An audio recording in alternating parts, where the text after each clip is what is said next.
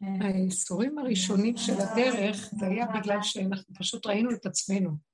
והיה קשה לבן אדם להשיל את הדמיון של עצמו, להתחיל לראות מי הוא באמת, זה כאבים נוראים. כי אנחנו מאוד מדומיינים, אנחנו חיים בעולם של דמיון. תודה דמיון שאדם עף על עצמו, הוא לא, הוא, הוא בן אדם טוב. אנחנו כמו בתוך תרדמת, ונראה לנו שאנחנו, אה, לא כמו, אנחנו באמת בתרדמת, ומתוך התרדמת אנחנו חיים. כאילו אנחנו בחלום לומדים ויודעים, ו, ואנחנו אה, חיים ומתחתנים, ו, ואנחנו חיים עם בני אדם, ואנחנו אוהבים וגם שונאים, והכל מתוך חלום בעצם. כי החלום, מהו יסודו של החלום? זה שאנחנו חושבים שאנחנו מציאות, ואנחנו כל עוד חושבים שאנחנו מציאות, זה החלום.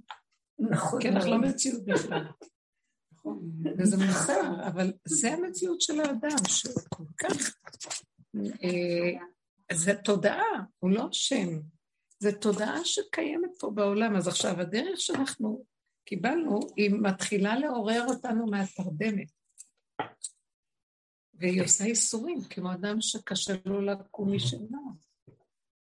ומעירים אותו, והוא רוצה לישון. גם כיף לו. כיף לו גם בשינה. אבל מתי אם כן הוא יתעורר? כשהשינה תהיה סיוט. שיתחילו לסיית אותו עם כל מיני חלומות, ירגיזו אותו, והוא פשוט יהיה חייב להתעורר בעל כורחו כדי להיפטר מהסיוט. ואז נותנים לנו את הדרך לעשות הכנה, כי אי אפשר להתעורר מיד ולעבור לתודעה אחרת. עכשיו, יגיע הזמן שיעירו אותנו, והמעבר בין החלום, בין מציאות החלום, במרכאות מציאות החלום, לזמן של ההתעוררות, יהיה כל כך קשה שלא נחזיק מעמד ויכולים למות מזה. אז לכן נתנו לנו את הדרך, שיהיה לנו אה, הכנה ותהליך. מעט מעט תגרשנו מפניך, שזה לא יהיה בבת אחת, כי אפשר להשתגע. לא נוכל להחזיק מעמד במקום הזה של השוק. אז על כן המציאות שלנו, שאנחנו צריכים כל כך להכיר טובה לדרך, כי יגיעו ימים אשר לא יוכלו גם את הדרך לעשות. כי לא יהיה לאנשים כוח להתעורר. אני כבר רואה את זה היום. אני כבר לא מדברת על מה שדיברנו פעם. אנשים לא מקבלים, קשה. אבל מה, התשישות, השם רחמן על כל העולם שלו, ולא יידח ממנו נידח. התשישות שבני אדם מגיעים אליה, עוזרים לאדם לקבל יותר בקלות. יותר התשישות, אין כוח להתנגד, ובמילא המצוקות של הנפש והעמל והיגיעה, התשישות מאוד מאוד טובה. אנחנו לא מבינים לפעמים, אנחנו מרגישים הרבה תשישות וזה מרגיז אותנו. כי התשישות זה כאילו סוף החלום. אין כוח לישון. אז נהיה חייבים להתעורר, כי אנחנו הולכים עוד לקחת כל מיני כדורי ויטמינים, להיות יכולים, להיות כוחניים, ושילך לנו. וכן, שהמוח שלנו יווסת את עצמו לפי איך שהדרישות של הדמיונות פה. והשם שולח כל מיני סוגי נשמות שהם בכלל במקום אחר, כבר הם, הם בטבעם, בצורה שלהם, יותר מתאימים לתודעה החדשה שתרד.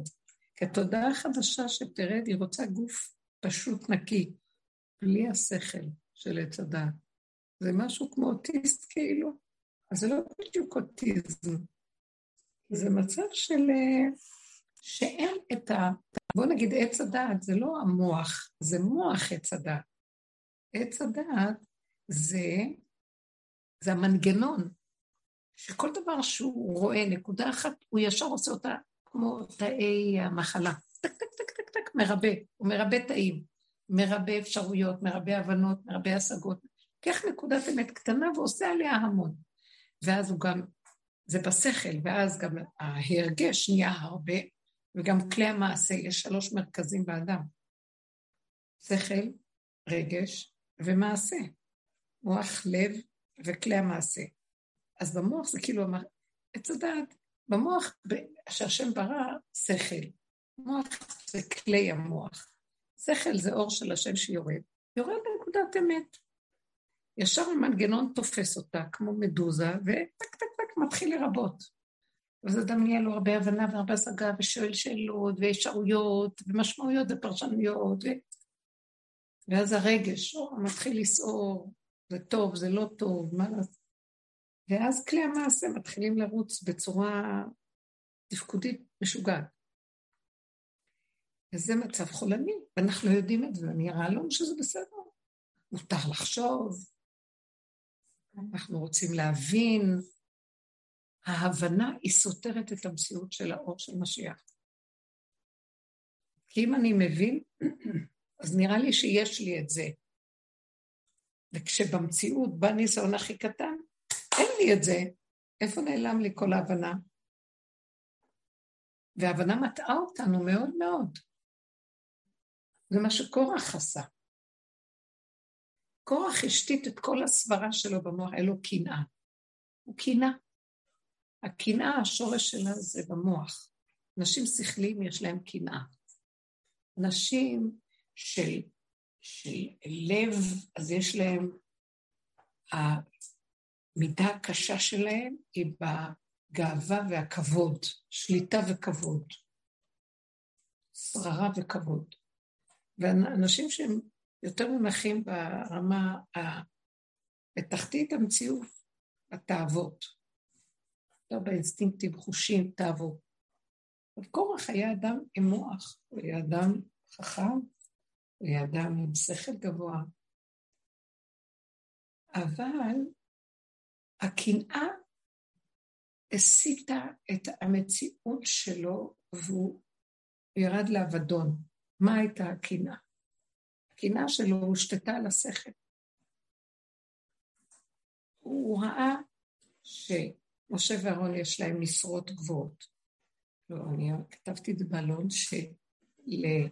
שללוי היו ארבעה בנים.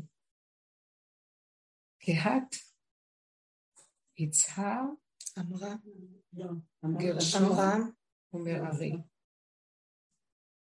כן? כן. עכשיו, לקהת היה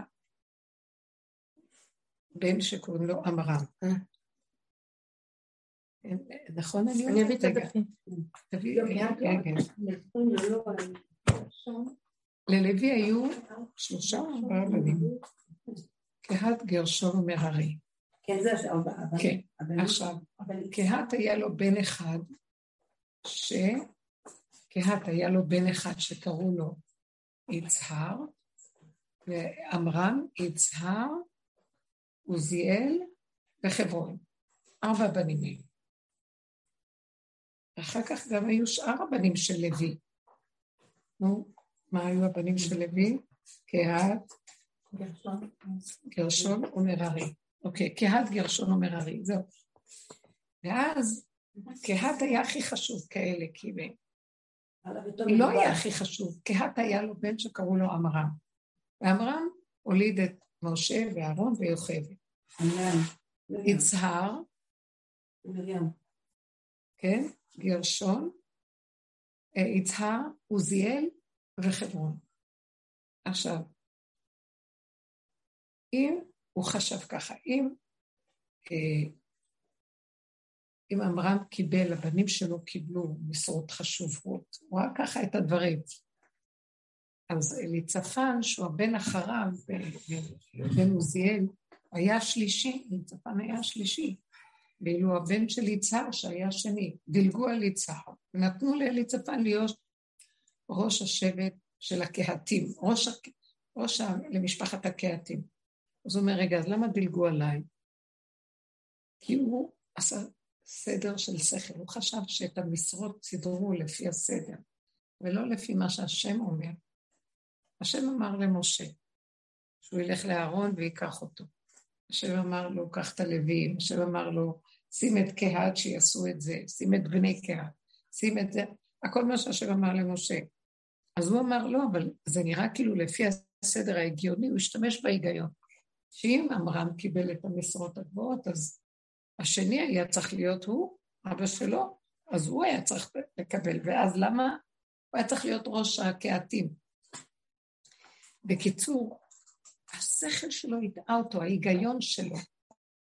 והוא, מההיגיון הזה של מחשבת עץ הדעת, הוא נכנס לקנאה. והקנאה התחילה להתגלגל, שימו לב. המוח של עץ הדעת הוא היגיון, זה וזה שווה זה. אז איך יכול להיות שזה לא מסתדר כמו שהחשבון, לשיטת הסברה? ואז הוא אמר קודם, אם אני צריך להיות, אם אני השני, אז למה אני לא מקבל? למה השלישי קיבל והשני לא? אז הוא כבר התחיל להמשיך עם אם, שמתם לב? אם, הסברות של עץ הדת.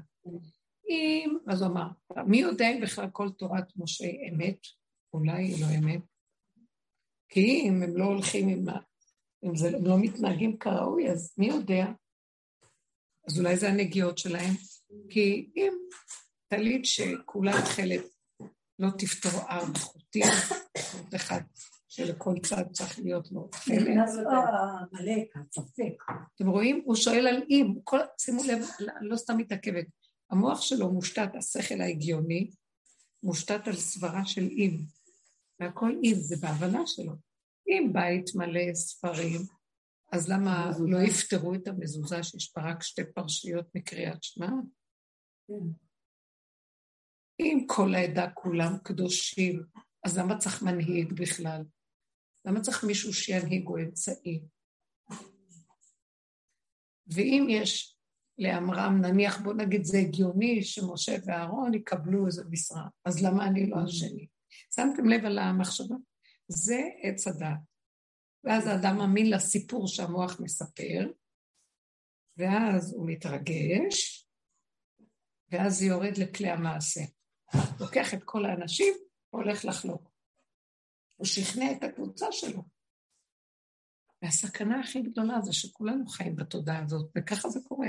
כל המחלוקות, כל הקנאת ישמרהו ושנאה, אה, כל מיני מצבים שאנחנו, שלום בית, וכל מיני דברים.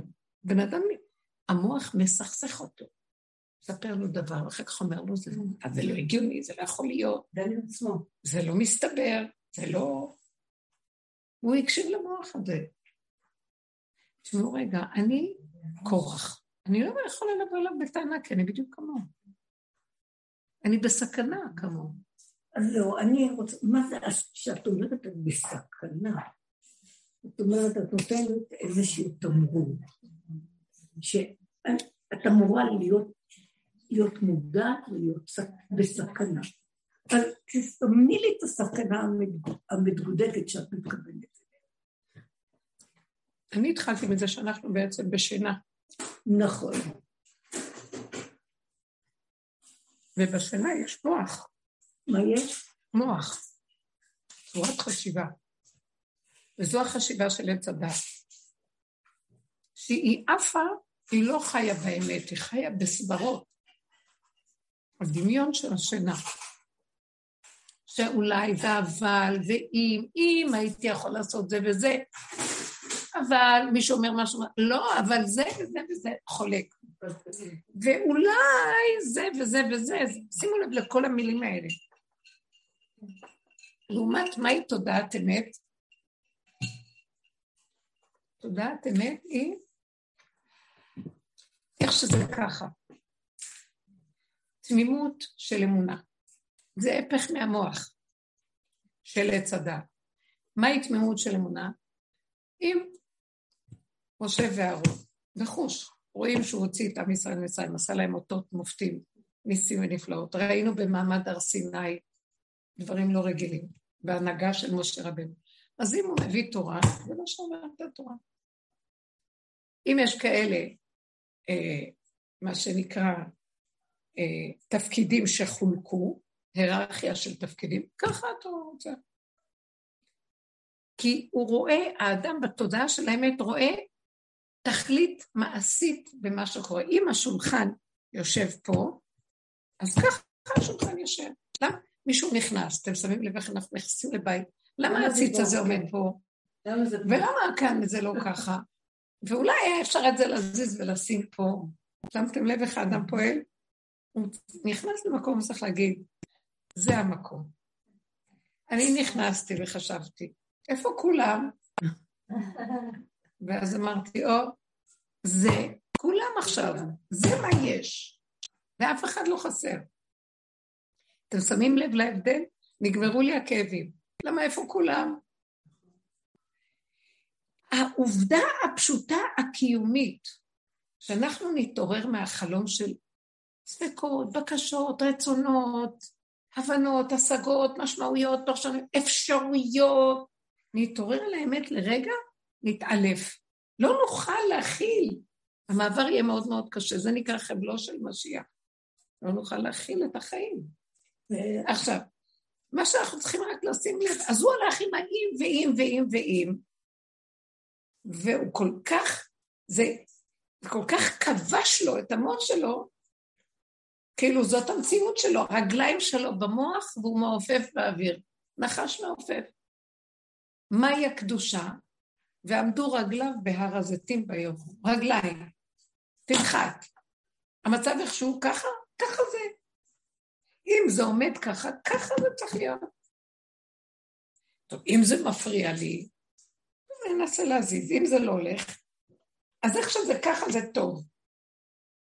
זאת אומרת, האדם שבא לעבוד בתודעה החדשה, הוא צריך להתחיל לעבוד עם המוח שלו, להגיד לו, לא, תשב בצד ואל תפריע לי, הכל בסדר איך שזה. כל הבעיות שיש לנו זה שאנחנו מקשיבים למוח ולסיפורים שלו, ורצים לכל מיני מומחים ומקצוענים שיסדרו לנו את המציאות כמו שאנחנו חושבים לפי המוח שלנו. והם מנסים לסדר כל מיני פתרונות שם. אם הם יבואו לפה, אני אגיד להם, רגע, רגע, בוא נעקוף את כל המחשבה שלך. מה דעתך שזה וזה, איך שזה ככה? בסדר גמור, מה חסר? זה כמו המן, וכל זה אינו שווה לי. כולם קוראים ומשתחווים, רק אחד לא יכרע, וזה עושה לו קנאת זוועות עולם. המצב שלנו כזה. אז כל מה שראינו כל הזמן והתבוננו, מי שרוצה באמת להתעורר, אוי ויי, זה איך שאני חי שקרן, אני מרמה את עצמי, אני גונב דעת. ומזה הייסורים שלי. זה לא מהנתון הקיים, זה מהמוח שמפלסף אותי, והוא לא מוכן להודות בפשטות כרגע, זה לבן, זה לבן. אני אהפוך את כל הלבן לזה משהו, אני לא יכולה לסבול שזה לבן.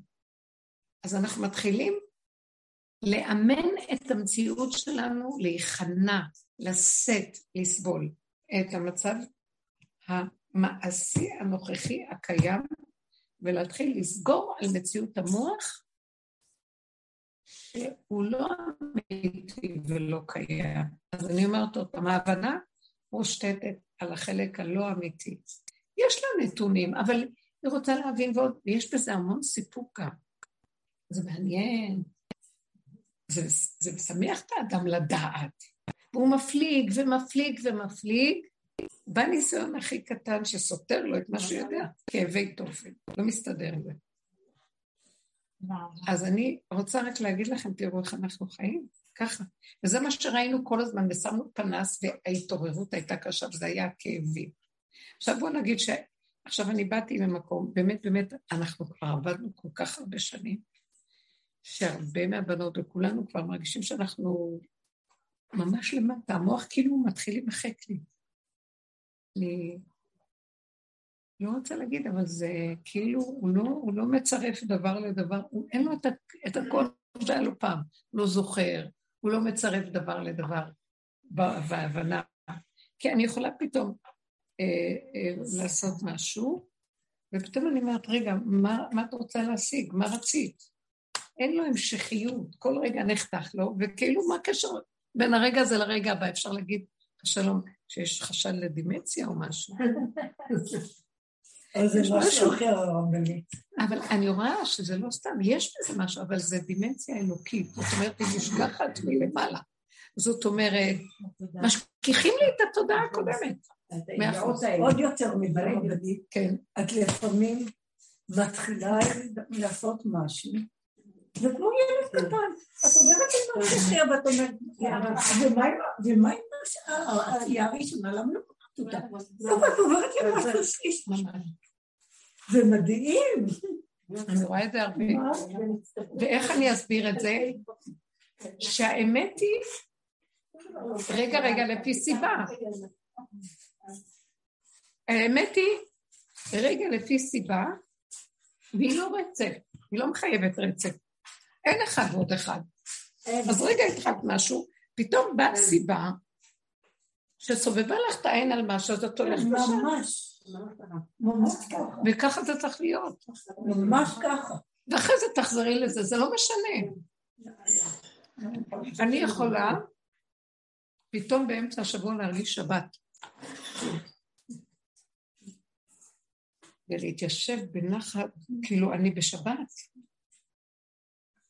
ולעשות לי איזה צנחת, כאילו זה שבת. יום חול זה אכילת ארעי. התחושה היא של ממש. ואני יכולה גם שבשבת תהיה לי תחושה של חום. מתהפך משהו. זה כאילו, זה לא כל השבת, זה רגע כזה, נכון. ואז אני למדתי לקבל, זה הכל בסדר. ולא לטעון, ולא סימני שאלה. כי המוח מספר סיפור ורצף. זה התודעה הזאת של העולם. ואם משהו נשבר לו ברצף, חייו אינם חיים. זאת אומרת, מוח עץ הדת הוא בגדלות, כאשר האמת היא נקודה קטנה, שמתחדשת לעוד נקודה קטנה, שמתחדשת לעוד נקודה. במקום זה יהיה הרגע הזה איפה שאני. אני יכולה לעמוד פה ולהגיד, למה הייתי צריכה להיות שם? אבל אני עכשיו פה.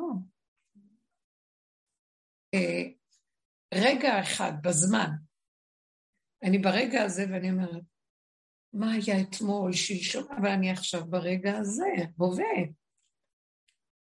הוא מבלבל לי את החיים ומשגע אותי. במדרגת האדם. יש מדרגות. בדור הקודם המדרגה של הרוח והדעת הייתה גדולה, בדור הזה זה דור של נפש. אז עכשיו אני אומרת, למה הדורות הקודמים היה יותר טוב? לא. זה היה הדורות שעשו את העבודה והתיקון בדעת, וזה דור שחושף משהו אחר. זה המקום. אם אני יודע להשתייך למציאות ההווייתית במדרגות שלי כאדם, איך שאני ברגע הזה מבחינת נפש, ולא להצטער, מה, מה, למה אני לא כמו הדורות הקודמים? אם אני ברגע הזה, ברגע, ובא לי, המוח מתחיל להפליג, אני מחזירה אותו כאן ועכשיו. אותו דבר במקום, אין לך לאן להגיד. למשל, ירדתי עכשיו בתחנה שאני לא מכירה את הקו הזה, אז הוריד אותי בתחנה מאוחרת, כאילו. ואז הייתה לי מחשבה. אולי הפסדתי, הייתי צריכה לרדת בשש תחנות קודם, למה לי לה... עכשיו להטריח שיגיעו עד לשם, כשיכולתי כבר להיות יותר קרוב? ובשנייה לרגע נעצרתי ואמרתי, אבל אני עכשיו פה. וזה איפה שאני. ירדה עליי שלווה. רוצים יבואו, לא רוצים, אני אשב פה, אני יכולה לחזור לירושלים, זה לא משנה לי כלום. לא להיות אחוז בכלום, הדופק, איפשהו, בזמן, במקום, במציאות של האדם וזהו. כי יש עולם שנה נפש. בעולם זה במקום, בשנה זה הזמן, ונפש זה המדרגה של האדם. אני כאן וזהו, ככה זה. למה, כמה, איך יורד על עצמנו אה, ביקורת, שיפוטיות, כעס? אין את זה בתודעת משיח. תודעת האמת היא משהו אחר לגמרי. עכשיו, אנחנו מקבלים דרך, קודם כל לפרק לאט לאט את התודעה הקודמת. ולמה אנחנו צריכים לפרק אותה? אולי נעקוף אותה וזהו. יש כאן סוד מאוד גדול. האריזל אומר שעץ הדעת הוא בעצם עץ החיים. רק אנחנו צריכים לפרק אותו מאותה דלת שיצאנו, מאותה דלת נחזור. אין שניים, זה רק נדמה. אז דוד המלך אמר, אבן מה עשו הבונים הייתה לראש פינה. מאותה אבן שכולם רוצים לזרוק, מה אני אעשה עם אבן אחת? יותר טוב בניין שלם? אמר לו, לא, לא, לא, אני פירקתי את הבניין ונהיה לי אבן. והאבן הזאת, היא מתהפכת ברגע אחד למשהו אחר גם.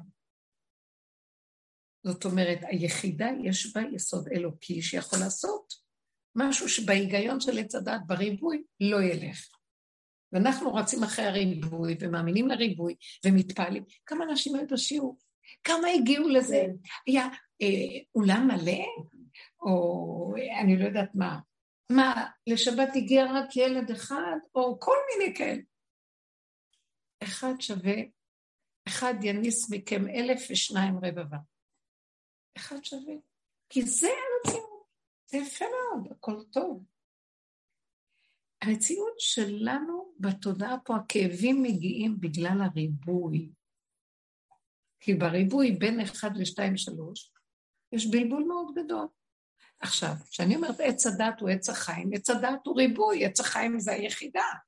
עץ הדת זה ענפים והסבך של היער. עץ החיים זה השורש. אז יש הבדל, לא? אבל תקשיבו, בתוך האלף יש אחד, כי מה מרכיב את האלף? אחד ועוד אחד ועוד אחד ועוד אחד. אבל המוח לא רואה את זה, רק רואה אלף. והוא רץ אחרי אלפיים שלושת אלפים. ואילו העבודה של הפירוק של עץ הדת מחזירה אותנו לאחד, ואז אנחנו אומרים, אה, עץ הדת, בשורש שלו הוא אחד. למה? עץ הדת הוא שקר, אבל אין שקר שאין לו נקודת אמת, אחרת הוא לא יתקיים. כי מאיפה לשקר הזה יש קיום ורגליים? שהוא יונק מהאחד. אבל המנגנון שלו לוקח את האחד ומיד מתרבה. אז אנחנו צריכים רק לפרק את הריבוי ולחזור ליחידה. אז כל פעם שיש לנו מצוקות וצער ורוגז, אנחנו צריכים לדעת שכנראה הריבוי וההפלגה גרם את זה. מה זאת אומרת? אז בוא נגיד, רגע, נניח אני שאלתי אותך איזו שאלה, מה שלומך? הוא אמר משהו, לא מה את אמרת? קציצה מטוגנת. קציצה מטוגנת. ופתאום, אני כל כך רעבה, לא אכלתי כל היום. פתאום אמרתי, מה, זה טוב, קציצה מטוגנת.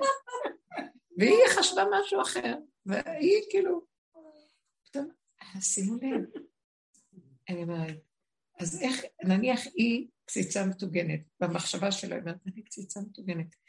ברגע אחד, אם היא הייתה מורידה את זה להגיד, זה טוב, קציצה מטוגנת, נחמד. מורידה את הדמיון, מה זה כאילו קציצה, לא בן אדם. מטוגן, כולו רווי. אם אני מורידה את כל זה, אומרת, לא, אבל יש רגע של רעבים, והקציצה היא הדבר הכי כיף שיכול להיות בעולם. אז המקום הזה, אם אסור לנו לסבול, ועץ הדת משכיח מאיתנו את המקום הזה, והוא צובר, והוא מרגש, והוא מציק, ואנחנו הולכים לאיבוד, וזה חלום, ולקראת הסוף השם יעשה לנו שאנחנו, מה הוא יעשה כדי שנתעורר מהחלום? הוא יעשה את זה סיוט. מה הוא יעשה שזה יהיה סיוט? אם עכשיו אני מרימה שתי קילו, אז הוא הביא לי להרים בחלום חמישים קילו. זה גדול עליי, חמישים קילו. הוא יביא לנו פתאום הרבה דברים שאנחנו צריכים לעשות, והבן אדם רצים, יש לי המון מה לעשות, אני יודע מה לעשות, יש לי המון מה לעשות. המבחנים אנשים שלומדים.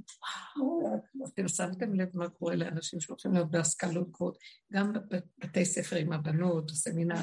אני רואה את המבחנים שלהם.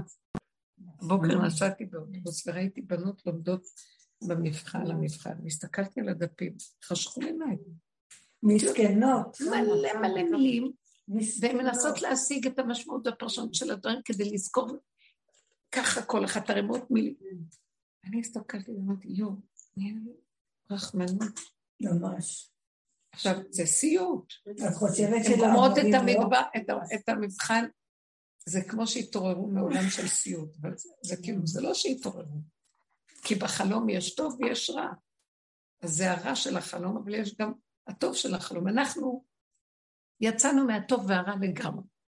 אני אומרת שזה הכיוון שלנו, לצאת גם מהטוב שלו אני לא רוצה, כי הטוב יביא את הרע והרע יביא את הטוב. ולא בא לי כל המנגנון הזה שמתהפך עליי כל היום.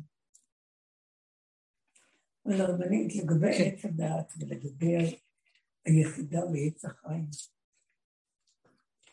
זה, כשאנחנו מדברים על, על היחידה בעץ החיים, בעצם העבודה הראשונית שהייתה לנו, וההבחנה בכלל,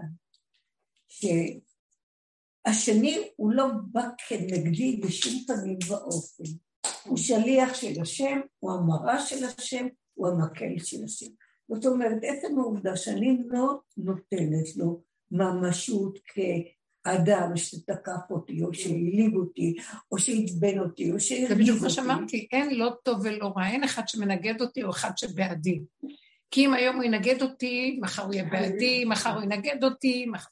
אז, אז היא אומרת, מה שאנחנו אמרנו, בואו נצא מהנקודה שהשני לא מנגד אותי. הוא חבר שלי, הייתם מקבלות את זה? לא. הוא אפילו לא שצריך להיות חבר לא שלי. לא מנגד ולא חבר. תקשיבו, ככה אנחנו צריכים לראות את העולם. זה מאת השם ונגמר עניין. זה פתאום, אנחנו צריכים לראות את הדברים, הוא נתון שקיים פה, בלי פרשנות, בלי משמעות, בלי טוב, בלי רע, בלי כלום. היינו מוותרים על הרבה עוגמות נפש והרבה מחסנים שמרימים, והרבה משקל שלא קיים. ואז מה? אבל זה, אז לא היה לנו מחשבה, אז לא היה לנו הרגשה. לא, לא צריך. הייתה מלמטה, לא מהמוח הזה של הצד, נובעת אנרגיה מסוג אחר לגמרי. אנרגיה נינוחה. גם שם אבל יש מאבק. אנרגיה נינוחה של שקט, שלווה, שלא נגועה בכלום, שיכולה ברגע אחד להתחבר עם הכל. זה לא משנה אם זה יהיה דוד או אח או רע או שכן, או גם אדם רחוק. זה לא משנה. זה בא מבפנים. זו תודעה אחרת לגמרי. ואני לא צריך את כל המנגנון הנורא שפעם כן ופעם לא, ותשש כוחי ממנו, אז איך יהיה לי חברים? אני צריך להתחנף, אני צריך לרצות, אני צריך לראות לכם בני אדם, אני צריך לספר סיפורים, אני צריך לשמוח. אין לי, ולא נעים, נכון שקשה לי, אבל אז אני אשאר לבד, לא, אין ברירה, וככה אנחנו חיים. לא רוצה את כל זה.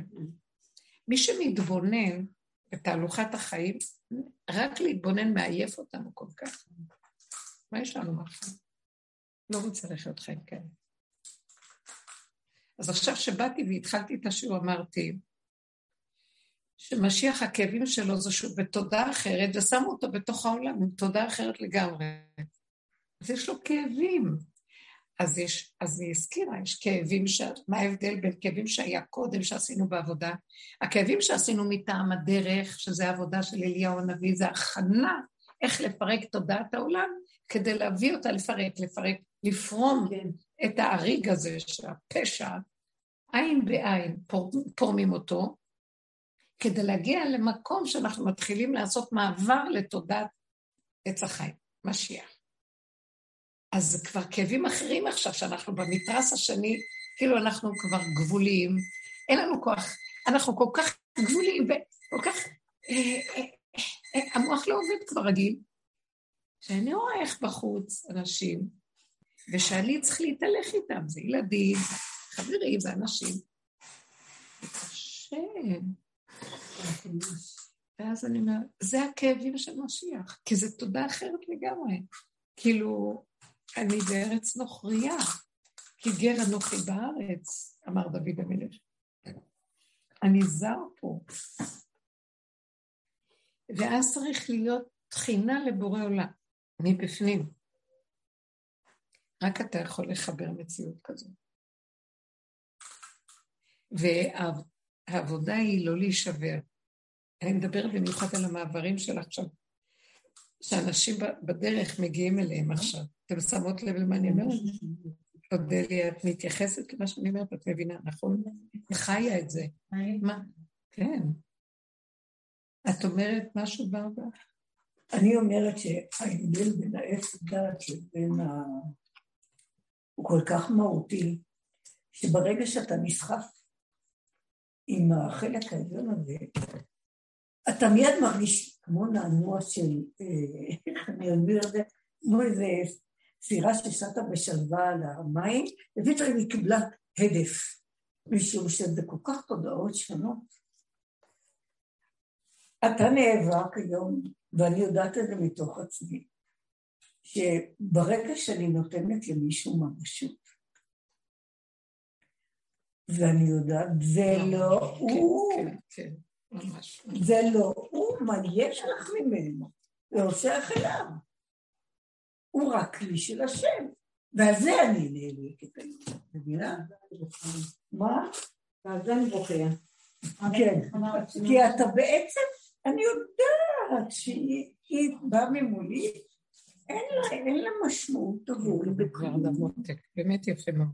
שימו לב, במקום הזה כל אחד הוא קצת במקום שונה, מאוד יפה.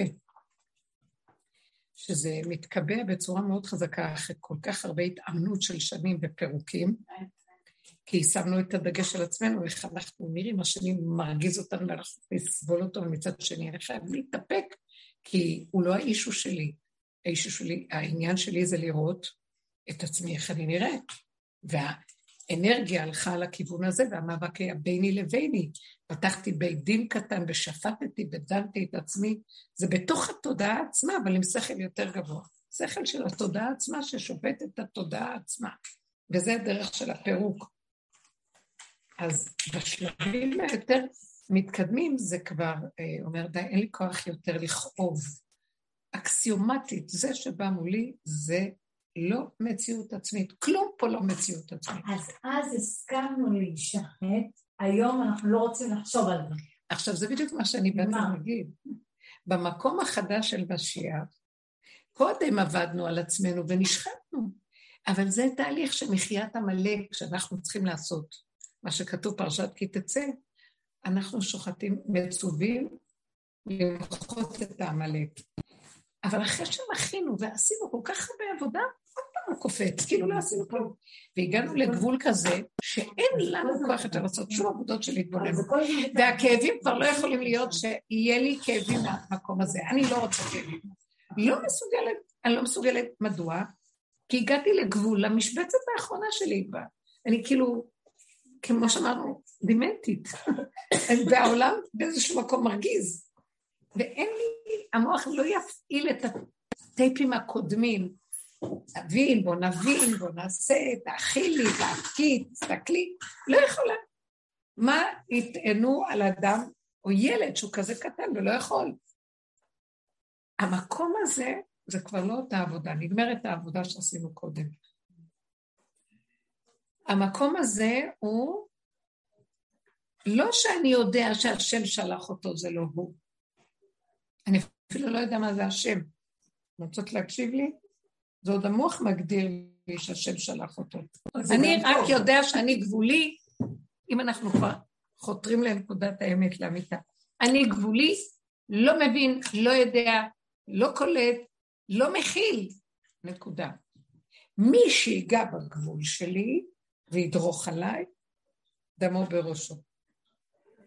זאת אומרת, יוצא, לי, יוצא כאן נקודה שזה לא האדם מדבר. משהו מתוך הגולם קם, והוא עומד חזק על הנקודה של עצמו.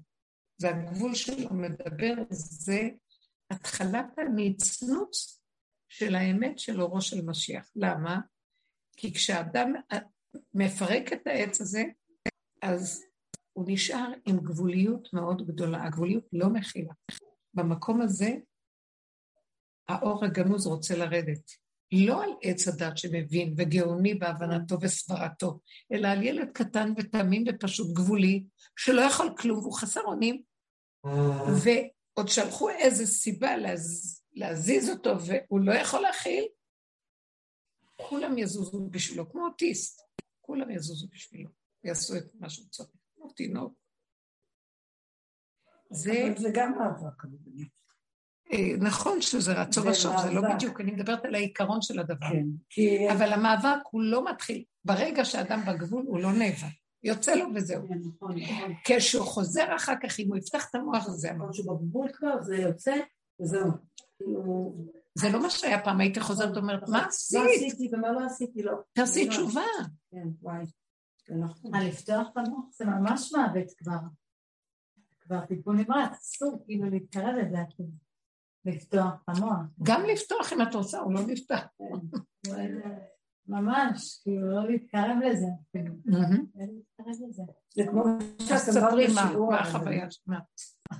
פורטובריאט. לא להתקרב לזה.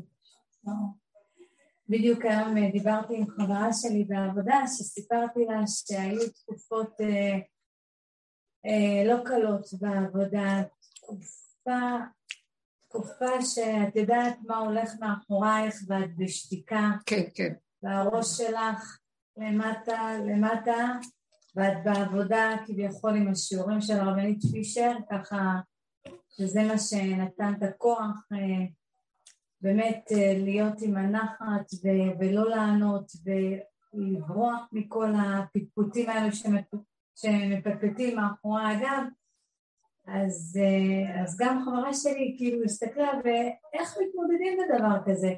אז אמרתי לה אפילו לא חשבתי איך להתמודד לא מתמודדים. סגרנו את המוח והסכמתי לכל מה שקורה ופית, זאת אומרת, זה היה נראה כאילו מה, הם יישארו איתך כביכול עד הפנסיה, כביכול. אמרתי, אני לא חושבת על זה, ובאמצע החיים פתאום הוציאו אחת למקום אחר, והשנייה קרה משהו, לא נמצא במחלקה, ופה זה נגמר. ישועת השם מתגלה שם. זה פשוט... כי אנחנו חושבים במוח השם ורעיונות ודברים ומרבים בתהילים ובמוהר ובכל מיני אה, עשיתי ונושעתי ארבעים פעם, שמונים פעם, שלושת אלפים, לא יודעת מה. כלום. עד הסוף עם הגבול. עכשיו, אבל עד הסוף הזה זה הרבה שנים לפרק את עץ הדת. היום כבר העץ מתפרק, הרבה אנשים, גם ילדים וגם אנשים צעירים, הם לא מוכנים בכלל להיאבק על כלום, הם כבר רוצים איך שככה ומה שככה, ולא אכפת להם, והם שלמים עם הנקודה שלהם. אין כוח, וגם אין מוח. המוח הולך לאיבוד דרך המחשב הזה שמסתכלים בו כל הזמן. הנוער וכל אלה, הוא יונק להם את המוח של עץ הדת. זו משימה מאוד טובה שהשם עושה.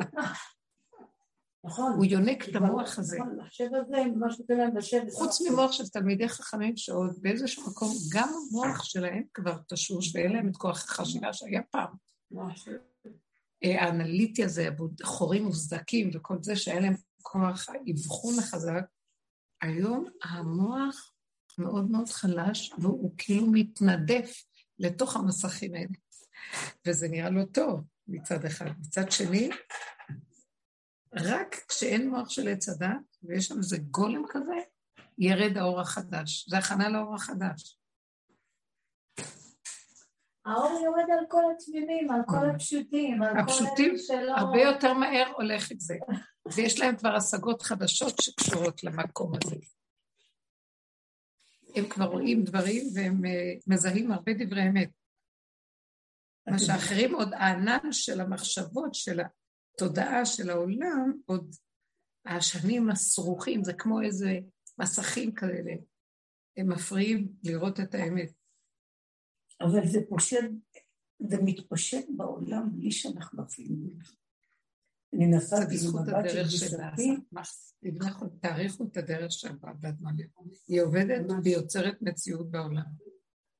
זה ממש לוח בקרה שעובד, ירדנו לתוכה, מעין של החיה. ושם מפרקים אותה. זה לא יאומן שאת נפגשת עם אנשים, הם מחייכים לך, מאחורי הגב הכל הפוך. אני מדברת על אז, אז, לפני שנים, שנשחטנו בשיעורים, ו- ותראי מה קרה. ואני נכנסתי לתוך המחתרת למטה כי... אין לה... אין לה, אין לה, אבל תראי מה קרה. השם התגלה פתאום. פתאום היא מקום אחר, ההיא עשתה ניתוח, השם יילחם לכם ואתם תחישו. זה מחיית עמלק של השם. כי המחיית עמלק שאנחנו עשינו, זו עבודה שעשינו והיה קשה. עדיין הוא לא- מפרפר ועדיין הוא חי. אז מי יגמור עליו כבר? תרדו עוד יותר לעומק, עוד יותר תפרקו ותהיו כלום, שם הוא יתגלה ועושה לך את העבודה לבד. כשהוא רואה כי יראה כאוזלת יד ואפס עצור ועזוב, אבל המוח של האדם לא רוצה את המקום הזה, הוא מפחד מהאוזלת יד. וכשהיא אומרת, אני הולכת, עוקפת, לא יכולה לעמוד מול העולם. אין לי יכולת וכוח בכלל. זה גם לא העולם. זה השם עושה מסובב את כל הסיפור הזה, שיכניעו אותי עד לרמה שאני לא אוכל אני רוצה לספר לך. עד לגבול. הגבול עובד בשבילי. השם נמצא בגבול. אם אני נותנת גבול, הוא שם עושה. היה לי מקרה הזוי עם הבת של גיסתי. נסעתי איתה ברכב, היא גננת מאוד ותיקה, גם קיבלה פרס חינוך, ויש לה שם טוב, היא בירושלים. והיא מספרת לי שבגן שלה, היום עובדת בגן, היה מקרה שאימא, היא והעוזרות שלה דיברו על שיצאו באיזו עשייה מסוימת, והאימא באה ושאלה מתי העשייה תהיה, היא לא זוכרת לא זוכר בדיוק את הנקודה. אז היא אומרת לה, איך את יודעת מזה? אז היא אומרת, מה זאת אומרת, יש לילד שלי שעון חכם. והוא מקליט את הכל. כן. ואז היא מספרת לי שיש לה גם, אחרי חגיגה יוצאת לאימא ושואלת, תגידי, את מרביצה לילדים? אז היא אומרת, זה הזוי. את מצולמת, את מוקלטת.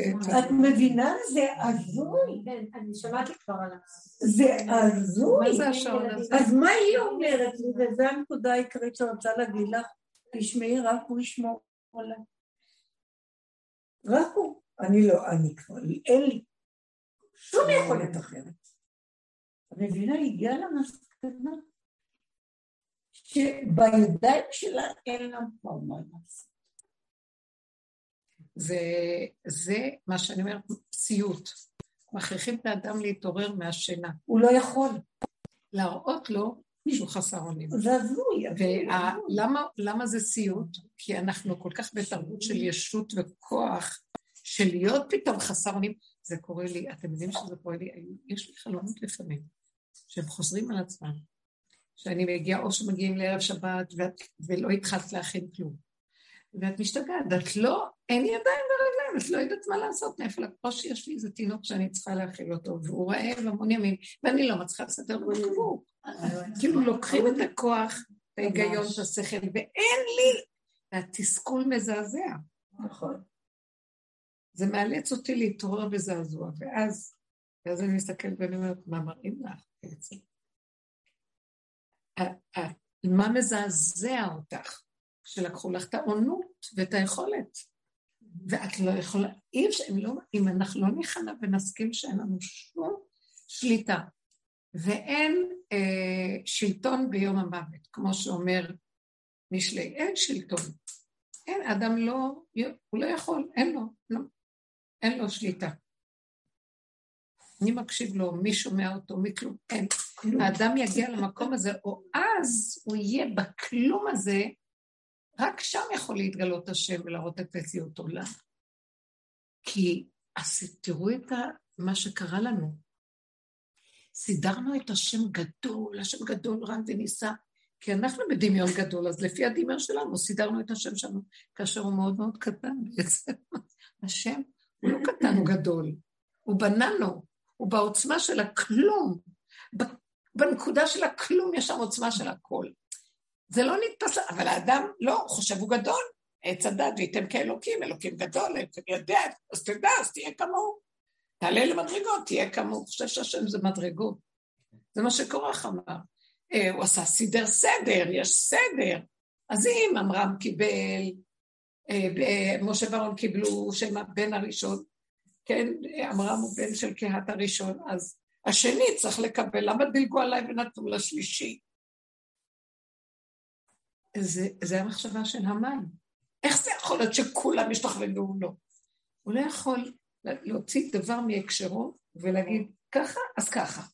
אמונה פשוטה, זה אין אמונה. אני לא אוהבת את המילה אמונה כי כל כך עבדנו בעץ הדת, שהמילה אמונה בעץ הדת היא גם, היא גם אה, גנובה, וכולם משתמשים באמונה כי איזה אמונה יש למישהו פה? עד שלא יימחה עץ הדת ונהיה גבולים כמו שאנחנו לא יכולים נרגיש שאצבע אני לא יכול להרים, ונראה שהרמתי אותה, ואני יודעת שזה בורא עולם, זה לא יכול להיות שזה אני. לא- אז אדם לא יכול להגיד אמונה. נכון. לא יכול. מי שהולך בדרך האמת, נכון, הכל פה נכון, דמיון. איזה מושגים באוויר, אמת, זה, בוא, ספריות, עולמות. אין כלום. שאדם יעמוד במקום הזה, שהגדלות, הוא יראה את הגדלות עושה לו מצוקה. הוא יצר לעצמו את האלוקים המעניש שעושה את כל הצער והרוגס לאדם. כן, הוא גם מקטרג עליו, הוא בעצמו יוצר לעצמו, זה כל חטא עץ הדת שהתודעה יוצרת את כל הסיפור. היצר הרע מהתודעה, הוא יורד, מבלבל את הבן אדם, כי אפשר לבלבל בן אדם פחות משתיים. אולי ככה, אולי ככה. ככה באמת יש לי דבר אחד, לא מתבלבל. אז הוא אומר, אולי ככה או ככה, אז הוא מוסיף לו, לא, אולי אפשרות כזאת, כזאת, כזאת, מבלבל אותו, אז הבן אדם טועה, כי הוא עושה שיקול לא נכון, והוא טועה, ואז הוא עולה לקטרג עליו, ראית מה שהבן אדם הזה עושה? איך יכול להיות שיש לו תורה, מצוות, וככה בסוף הוא עושה, מקטרג. אז הוא שם, נכון, אתה צודק, אז אחר כך הוא יורד להתעלל בו, להעניש אותו. וככה אנחנו חיים. הכל הזוי פה, וזה לא נגמר. ואז אה, אחרי מה מתגלגלים עוד פעם, לא, כי כאן אתה צריך לתקן את מה שעשית.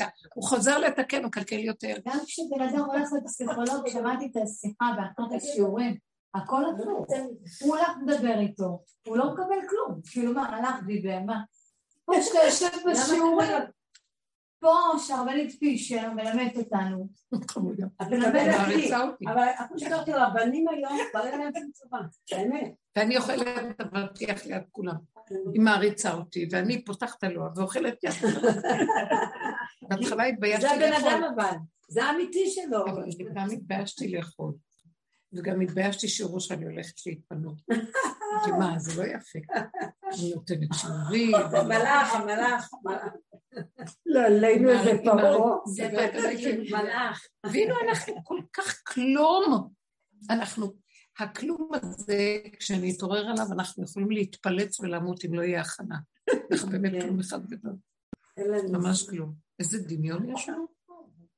אני אומרת, בעבודה שעשינו, אני יכולה להגיד על עצמי, פירקתי את הציבוריות שהייתי כל כך קשורה אליה.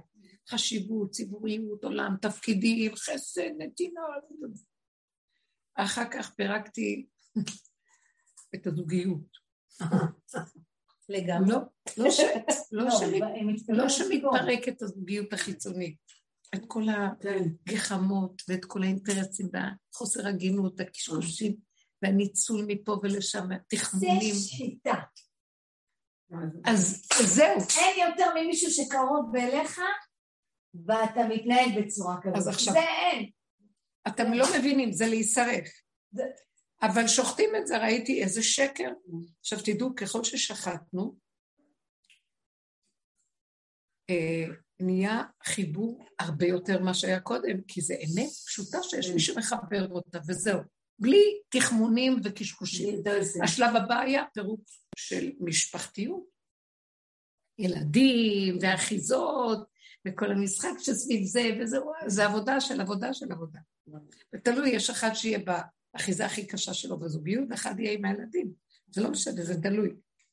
והאחיזה האחרונה זה לפרק את האלוקות הדמיונית שלי.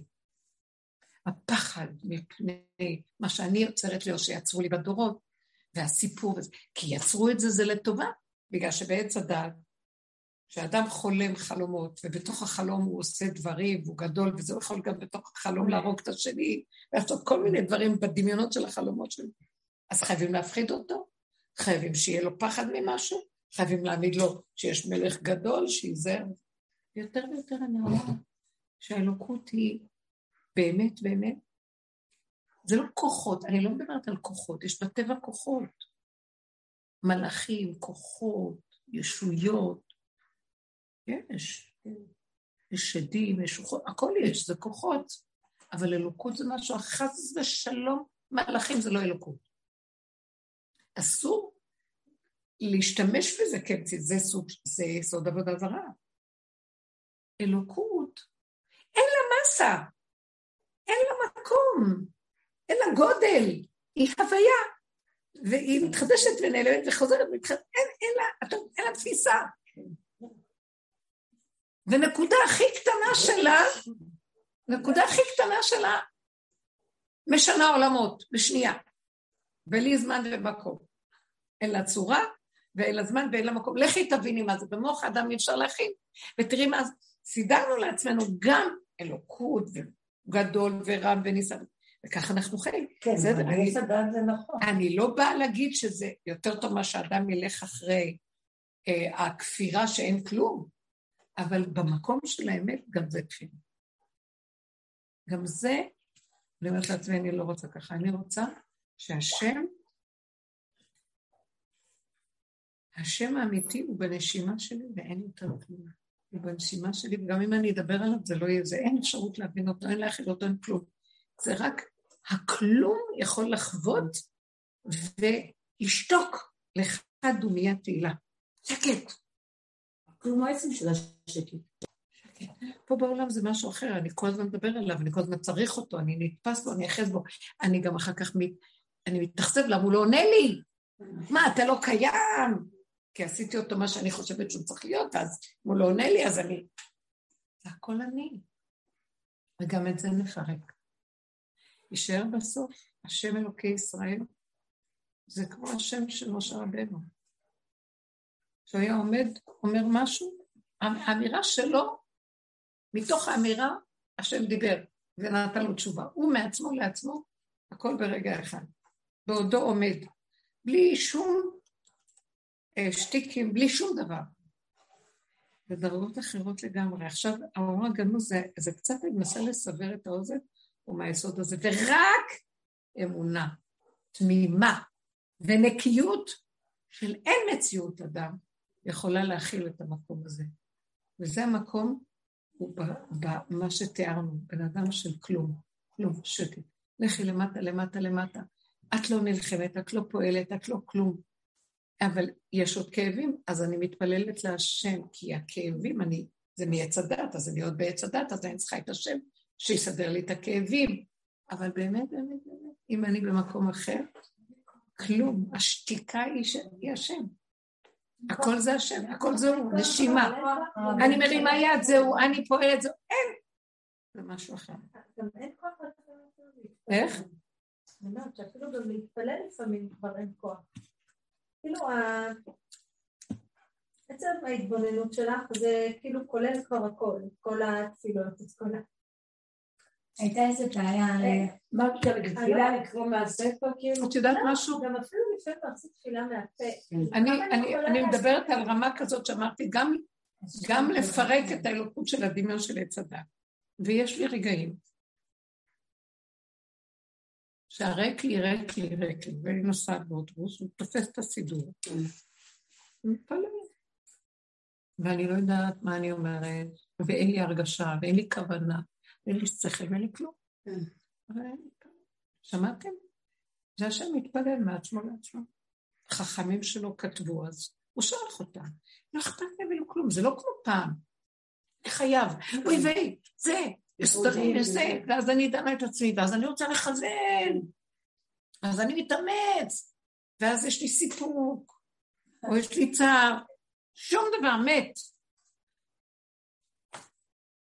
אבל הוא יכול לקחת את התהילים ולהגיד, ופתאום הוא יכול להדליק לי שהלב יהיה... ופתאום אין כלום. כמו שפתאום יש שבת באמצע חול. את יכולה להגיד משהו? זו התודעה החדשה, חבר'ה, תתחילו להבין. זה משהו אחר לגמרי, ואין אחד ועוד אחד. וככה וזהו. וכשיש רגעים קשים, אז אני יודעת שעוד פעם המוח שב למקום של עץ הדת, ומשהו מרגיז אותו וזה, אז אני מתפלל להם כפי הספר של עץ הדת, האלוקים של עץ הדת. יש שמה. כן, אז בלי... מה ההבדל בין זה לזה? זה כאילו מבעד להרבה מעטים והרבה הדמיות.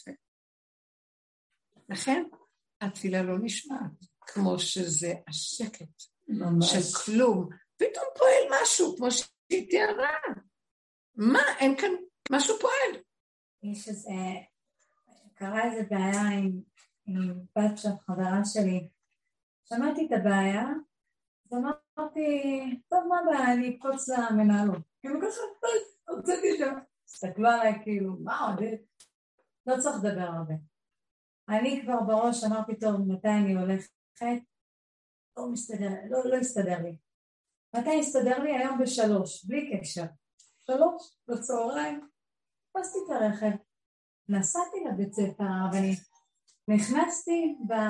נכנסתי ככה, נכנסתי כאילו. אני עולה, אני אומרת שלום, איפה יושבת המנהלת?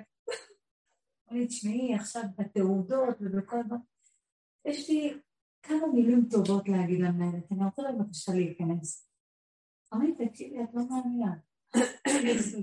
משמה, יצא לי לדבר עם המנהלת כמה מילים, משמה היא אומרת לי, תקשיבי למנהלת הגדולה. עליתי למנהלת, גם באתי למזכירה שם, שלוש ושלוש ו... אה, כן, וזה, מה את צריכה, מנהלת בכל ה... את יושבת בחדר עם כל התעודות וכל הזה. אני רק רוצה להגיד כמה מילים טובות למנהלת. היו שם מורות בתוך ה... כולם יצאו ואמרו, אנחנו נצא והיא תיכנס. אנחנו פשוט התגלו את השם. בלי תכנונים, בלי כלום. גם אם רציתי ללכת באיזה יום מסוים, לא יצא כלום. בשלוש בצהריים קמתי, הלכתי, פתחתי את השער, נכנסתי, אני רוצה להיכנס לפה, אני רוצה להיכנס לשם, וכולם, הדלתות מתפרקות בצורה שאי אפשר לזה. עוד מה היה הקטע? שמורות היו עם המנהלת, ואז הם אומרים, אנחנו נצא והיא תיכנס.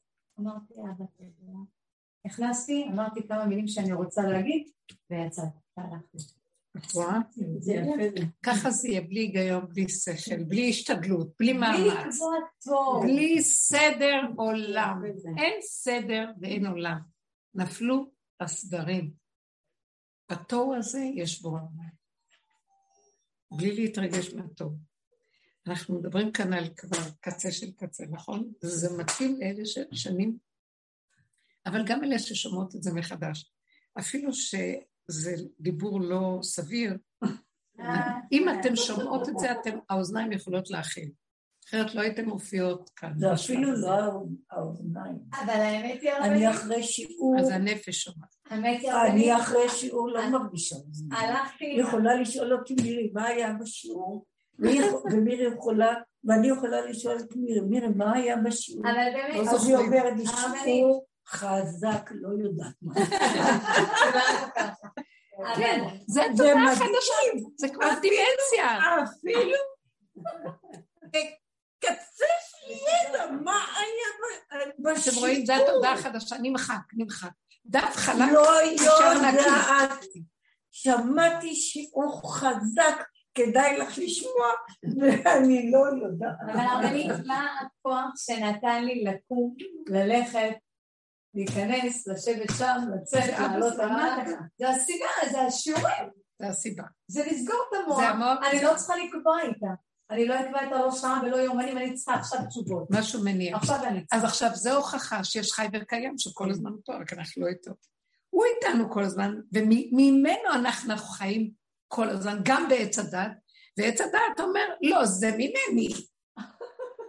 אתם מבינים? זה כאילו, אני כל הזמן חוזרת, בהפטרה של הושע, שהיה לנו לפני כמה שבתות, אז הוא אומר שם, אה, כועס, כועס, הוא, הוא מדמה את עם ישראל כאישה נואפת תחת בעלה והולכת לבעלים אחרים, ועושה דברים לא לעניין.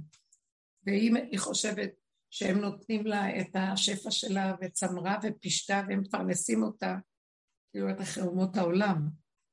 ואז הוא אומר לה, ואת הולכת אחריהם ועזבת אותי ואת חושבת שהם נותנים לך, ותדעי לך, גם כשהם נתנו לך, זה הייתי אני שנתתי כל הזמן. Mm. רק את חשבת שזה הם נותנים, אבל זה תמיד אני נותן. רק נדמה לכם. תקשיבו, אנחנו חיים באילוזיה לא נורמלית. ממש. כמו גן של שוטים, אנחנו בגן ילדים של שוטים. ולא רק זאת, גם כל אחד חושב שוואו, איזה חכם ונבון וראשו בשמיים. איזה טיפשים, אימא'לה. ויש אמיתיים מאוד מאוד שהם הפכו להיות, הם לא בעולם, גדר של אה, חזקת משיח, שהם נמצאים פה. והם כל כך גאונים, וכל כך חכמים, והם שותקים. וכשמדברים לא מבינים מה הם אומרים. אז זה נראה כאילו אין להם כלום, כאילו... אימא'לה. אין להם כלום מכאן. כן, כאילו זה נראה... אנשים לא תופסים מהם. הם לא... אנשים מזה, אנשים מאוד, אתה יודע. כן. אבא לאור חדש על ציון תאיר. אנחנו עכשיו, תמיד אנחנו יכולים להגיד שנשארה עבודה. קודם כל זה רצון ושוב, זה לא מוחלט. נכון. זה לא מוחלט.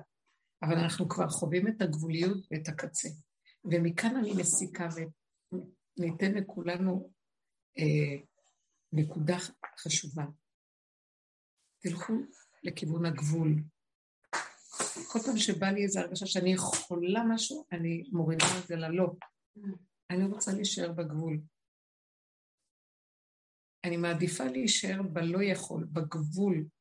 אה, אני מרגישה חולשה, אני רוצה לקחת משהו להתחזק, ואני אומרת לא. כי אז אני אומרת לו, רק אתה יכול להפך את זה. אתם מבינים מה אני מתכוונת? להשתמש בזה כדי להיות כל כך, כי רק בגבול הוא מתגלה.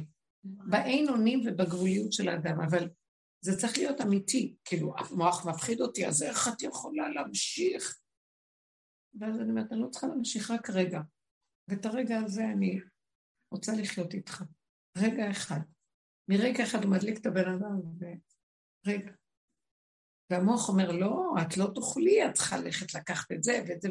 איך הוא, איזה שרלטנות חוגגת בעולם של כל מיני מטפלים וכל מיני תזונות וכל מיני תרופות וכל מיני אחד ועוד אחד שווה וכל מיני, איזה דעת יש בעולם אינפורמטיבית של מה מתאים למה ומה לא טוב עם מה ומה צרוף עם הזאת. זה... אנשים השתגעו. חדשות לבקרים, כל מיני דיאטות, כל מיני שיטות, כל מיני מוצרים, כל מיני חומרים, כל מיני שיטות וטיפולים. והבני אדם רצים כמו עכברים סומי אחד לאחד, לדבר לדבר. ויונקים מהם את הכוחות ואת הכל. ולא חייב, לא חייב. יכול לאכול לחם ומים והכל בסדר בתוך זה.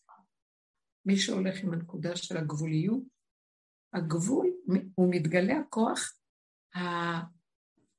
הכוח שהוא כוח כל הכוחות ואין לו שום תכונה וכלום, הוא מחיה את הכל ברגע אחד וכלום חסר בבית המלך, לא חסר דבר. וזה ההטעיה הנוראית של עץ הדת, הריבוי, השיגעון של החיים שלנו. אשרי מי שזוכה להיכנס לדרך, אשרי מי שזוכה להתהלך בה, אשרי מי שמגיע לגבול, ובגבול לפרק, לא להתנגד, שום התנגדות. אף אחד לא בא לנגד אותי. גם מי שבא לנגד אותי, אני נותנת את זה עכשיו להשם, השם ילחם לכם ואתם תחרישו. אין לך פעולות, מה תצעק אליי? מה אתה צועק? מה אתה מתפלל? יותר מאשר להתפלל בעת צרה, משה רבנו. רואה את המצרים רודפים והיה מקדימה, ועם ישראל צורכים, כולם חרדים, כואבים, מבוהלים. איך הוא לא יתפלל? הוא אומר, מה אתה מתפלל? זה לא זמן לתפ... לתפילה. אז אם כן, מה הזמן עכשיו? לך לגולם, לך לגבוליות שלך ותעשה פעולה, לך לתוך המים, גולם הולך למים, מי ילך? איזה אדם עם שכל ילך למים? לך, כאילו אתה לא יודע כלום, לא כאילו, אתה לא יודע כלום. הפעולה הזאת הורידה את האור הגנוז שפתח את הכל ברגע. זה מה שאת מתארת עם ה... כן, נכון. מאוד יפה. כן. תקשיבי, אני מעריכה מאוד מאוד את המקום הזה, אודליה, באמת, אני לא, לא נותנת ציונים, חשבה מי אני בכלל. אבל זה מאוד מרגש. בנות חוות את זה. אומרות לי בנות שחוות דברים מדהימים מהרגע לרגע, אבל זה גם רגע. אחר כך יכול להיות עוד פעם משהו. זה רצון עכשיו בתוך המציאות, אבל זה, זהו, מי שמגיע לגבול. אחת המורות אומרת לי היום בטלפון, תקשיבי, עדיני, אז איך, מה? אחת המורות דיברה איתי. כן, כן, מה היא אמרה? היא שמעה שנכנסתי ככה בדלתות, ואני עוד, ועוד אני קובעת למזכירה, סליחה, תגידי, אני רק רוצה להגיד לה מילים טובות, כמה מילים טובות למנהלת. אז, אז החברה שלי שהיא מורה, היא אומרת לי, תקשיבי, אודליה, את יודעת שיש שם מאוד קשיחות, כאילו, זה לא בדיוק, אמרתי לה, היה פה קסם.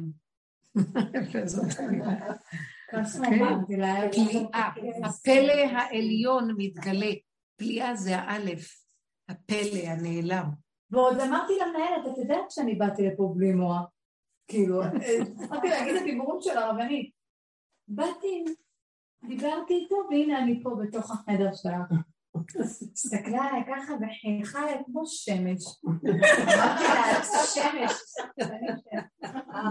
היא התלהבה רק על המילים הטובות שאמרתי לה, שכאילו נתת לה מילים טובות. גם זה חשבון שלו איתה, וזה הכל, השם מסדר. שנייה אחת של כל החשבונות ברגע. אנחנו רוצים לחזור לחיות ככה, בלי כל השק הזה של העומס של הגדלות ואחריות וחשיבות והדאגה מי ינהל אם לא אנחנו ומי יעשה אם לא אנחנו, איך אנחנו חשובים. הרגע הזה שאת נכנסת אליה מהמקום הזה, זה יעזור לה להשיל את כל הרצינות והאחריות והגדלות של הניהול הזה, שהתלבש בכל חור וזווית בתפקידים של בני אדם. כאילו, מי אתם בני אדם? מרוב אחריות. לשם שמיים, לשם שמיים. זה גם כן ההטעיה של יצר לשם שמיים. אבל השם אומר, ואני לא בשמיים, אני פה הרגע בתוך האף שלך. זה, תודעת הגלות. סבל, סבל שחייב להיגמר. כי הנה אלוקינו זה קיווינו לו ויש, הנה זה, הנה כמו שאדם מצביע, זה, זה, זה עץ, זה, זה, זה העוד זין מגשמת, הנה פה, חי, החושים קולטים, כמו במעמד הר סיני. ובגוף פשוט שאדם עומד נוכח, בלי להתעלף, בלי כלום. זה לא כמו שאז פרחה נשמתם. היום יש יותר כלים, אחרי כל הדורות והסבל של עם ישראל, וכל הייסורים והנדודים ותלאות הגלות, שעבוד מלכויות. זוועה מה שעברו. אז עכשיו, אם אנחנו רק ניכנס לתוך הדרך ונעשה אותה כפי שצריך, וזה לא כולם יכולים, אז מי שזוכה למקום הזה משחרר את כל הפלונטר ויאללה. זהו. זה הסיפור שלנו, נגמר פה. ונהיה כמו ילדים קטנים בגן עדן של השם, בלי חשבונות, בלי מחשבות, בלי הרגשים של העולם וכל זה, מתיקות. ויש מי ששומר, ויש מי שפרנס ונותן, ופועלים ועושים, כי זה חוק עולם המעשה. ויהיה שכל, אבל הוא נובע מלמטה, נחל נובע מקור חוכמה. ויהיה פעולות, כי זה עולם המעשה. אז ילכו ויבואו ויבשלו. עולם כמנהגו נוהג, אומר הרמב"ם, בימות המשך. אבל לא יהיה הפסיכולוגיה המזעזעת של החיים, והסבל, צורת החשיבה, והדאגה והריבוי, והלחץ והמתח, וההרגשים הנוראים בכל מקום. ואנשים כבר לא יכולים, כולם חולים, כבר לא יכולים לעמוד בזה. השם תעזור לנו, תיתן רפואה לעמך. להתעקש ללכת ככה בגבוליות. תבחרו את הגבוליות. אני רואה שהגבול הוא טוב. הוא טוב, כי אז אני, נניח שיש משהו שאני בעולם, זו תודה שדורשת ממך עונות וכוח ושכל, ואני פתאום עומדת חסרת אונים, מה אני יכולה לעשות? אז אני מדברת איתו, רק מדברת איתו, כאילו, ממני אליי. אבל אני לא יכולה להכין כלום, אני גבולית. ככה זה ממני, אני לא, לא מכילה, לא יודעת, לא מבינה כלום. מה שאני אגיד לך תעשה, אני אגיד לך מה לעשות. כאילו, הוא מצפה שאני אגיד לו מה לעשות. אתם מבינים? כי כל אחד משהו אחר. ואם הוא הביא לי את הגבול הזה, ובגבול הזה אני לא יכולה לחיות רק ככה, אז הוא מצפה שאני אגיד לו, מה את רוצה? מבינה? מה, אתה לא יודע לבד? אני יודע הכל. כאילו, הכל צפוי והרשות נתונה. את יכולה להבין את הדיבור הזה בפרקי אבות. כן, הכל נתון, אבל את תגידי לי עכשיו, אנרגיה ביד שלך. אני עולה להגיד מילים טובות. פותח הכל. של זה בראתי אותך. בשביל זה אני... כאילו הבריאה באה לשרת אותנו. אני איתכם. זה פלא עצום הדבר הזה. זה לא שזה את, זה בורא עולם לתוכנו, זה השכינה. שכינה, אם כל חי, אנרגיית אלוקים שנמצאת בתוך ההוויה של העולם, לא בשמיים היא ולא מעבר לים ולא בזחוקה. זה גלות, נגמר, כי גם בגלות, שאמרנו, השם בשמיים, אין לאדם יכולת להגיע לשם, אבל יש לו יכולת להיות עם השכינה פה בארץ, אז למה ללכת לי לטפס בשמיים? זה נקרא גלות. שהוא סגר לי את השכינה, שהיא קרוב אליי, ויכולה להחיות אותי רגע, והיא אלוקות. וסידר לי דמיונות גבוהים של אלוקות. וכוחות שיכולים ללכת לאיבוד מהם. זה הגלות, וזה ייסגר ותתגלה שכינה בתוכנו, פשוט. טבע חי נושם, שכל פעימה שלו זה אלוקות. מי נותן לו לנשום? חוקים מדהימים של טבע. גם חוקות התורה הם חוקות הטבע, אבל הם התלבשו במוח העקום של עץ הדת, שכבר קשה גם לקיים אותם אפילו. כל כך הרבה, כל כך הרבה, כל כך הרבה, כל כך... הסתעפות עד הסתעפות. ובאמת הכל חלק פשוט, קטן, רגע, רגע. למה אנחנו צריכים את כל המחסנים של הספרים האלה בפרטי פרטים? אי אפשר. תורת משה היא פרטי פרטים, זה תורת הגלות. אבל כשנחזור לגאולה, זה יהיה רגע וזמן, ורגע וזה, וכל רגע יבוא וכיכרו בידו, עם החוכמה שלו, עם הדעת שלו, עם ההרגש, עם הכל, כל רגע והעניין שלו מושלם. ואדם לא צריך לעמול ככה. טוב, אבל עשינו עבודה מאוד גדולה בכל הדורות, ומגיע לעם היהודי הרבה, השם נתן לו תפקיד קדוש וחשוב, על מנת שבסופו של דבר יבואו האחרונים שייכנסו לדרך, כמו אסתר בסוף נכנסה לבית אחשורוש, והיא עשתה שם את כל המהפך. היא עשתה את המהפך בסוף. והיו חכמים קדמונים ונביאים וצדיקים, אבל היא עשתה את העבודה בסוף. זו עבודה של חושך, כמו יולדת. זה כמו יולדת.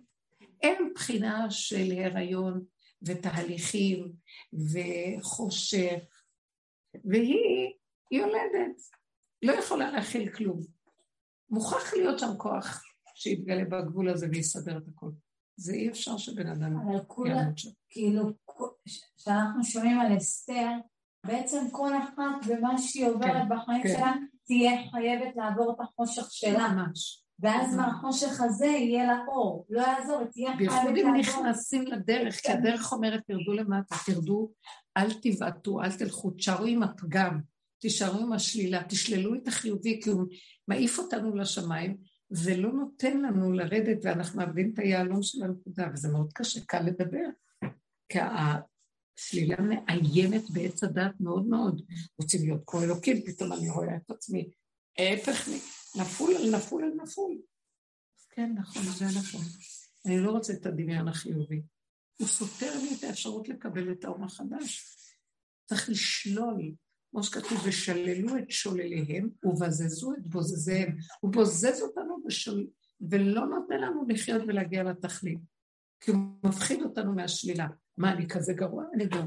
אני מוכנים להודות לי כאן. זה כלום, זה סתם דמיון.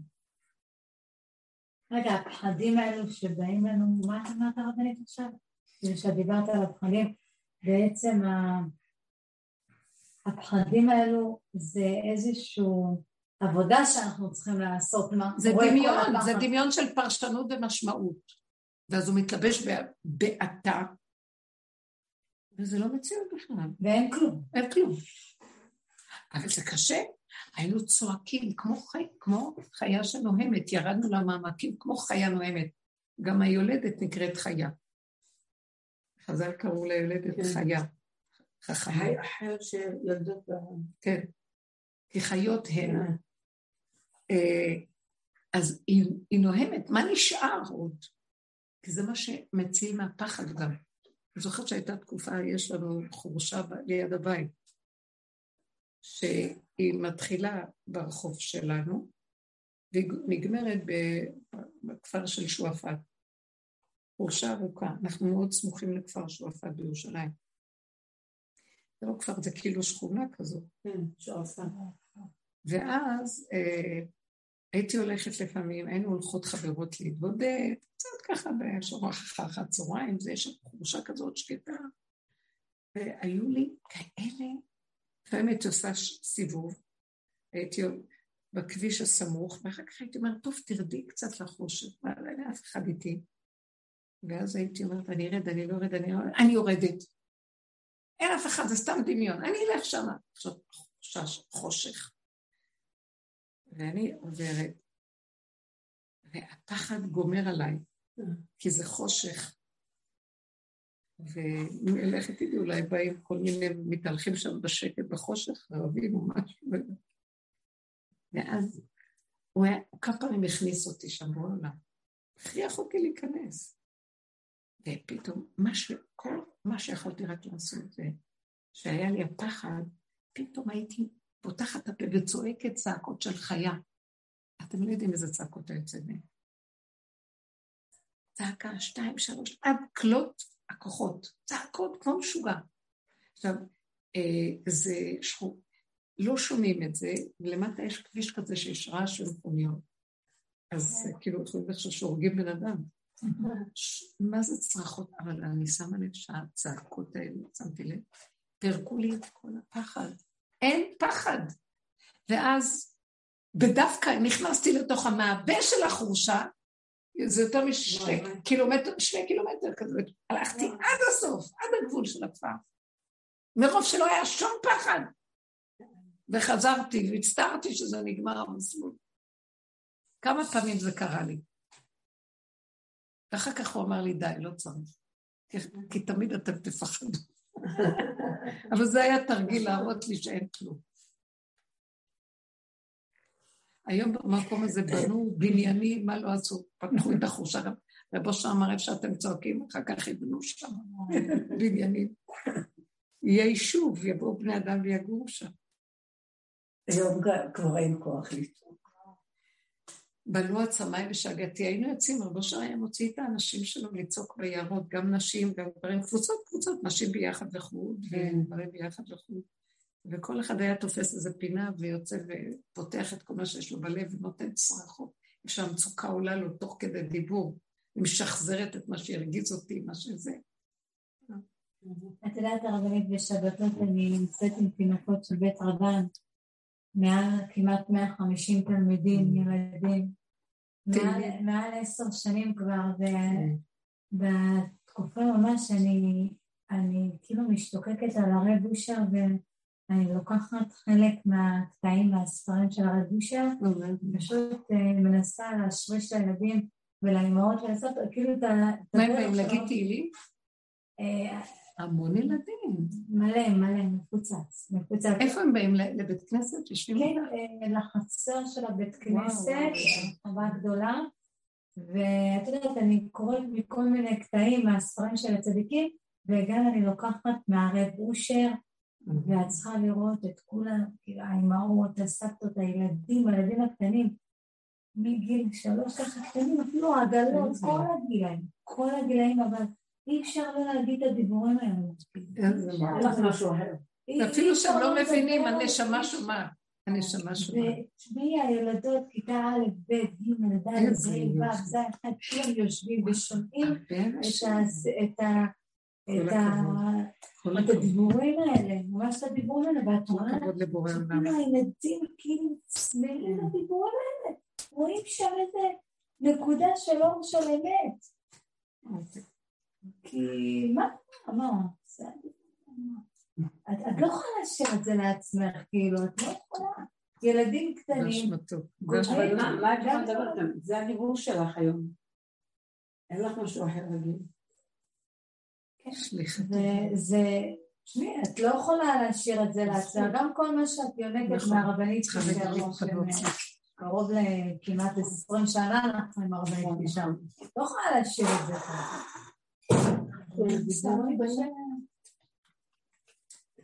אז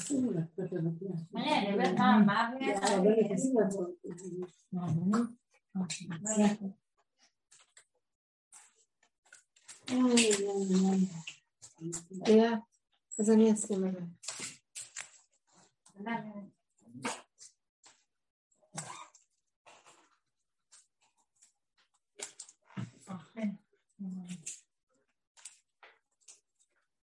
תקשיבי, ממש ממש את הצרכים שלכם חסרים.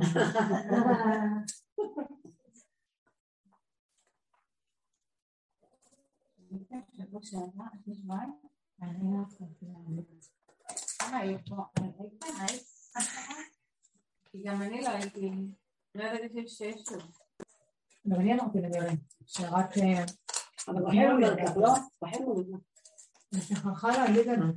למה? את את החי בטיול. חי בטיול? לי נראה שהיא בטיול. כן, כן, אמרתי. כן? בטח מוצלח? היי, נכון. מאוד מוצלח. כמה יש. לא תמיד נופלים עליו, צריך לראות.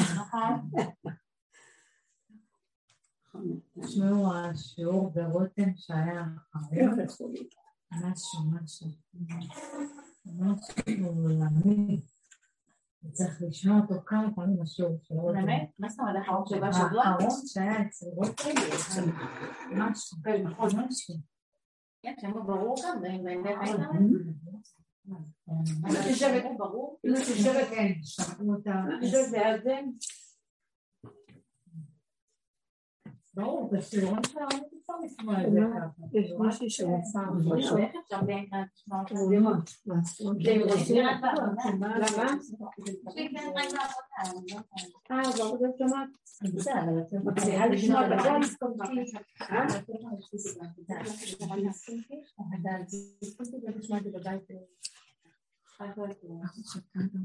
למה?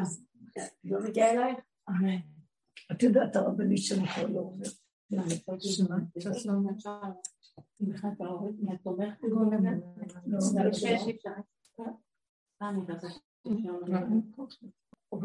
לא שאין כוח, אלא הוא משתמש בדברים שאפשר להוריד. הוא כל כך בתוך האדם. שמה אני אלך להגיד מזה? והוא עצמו. נכון, נכון. מדהים, מדהים. מדהים.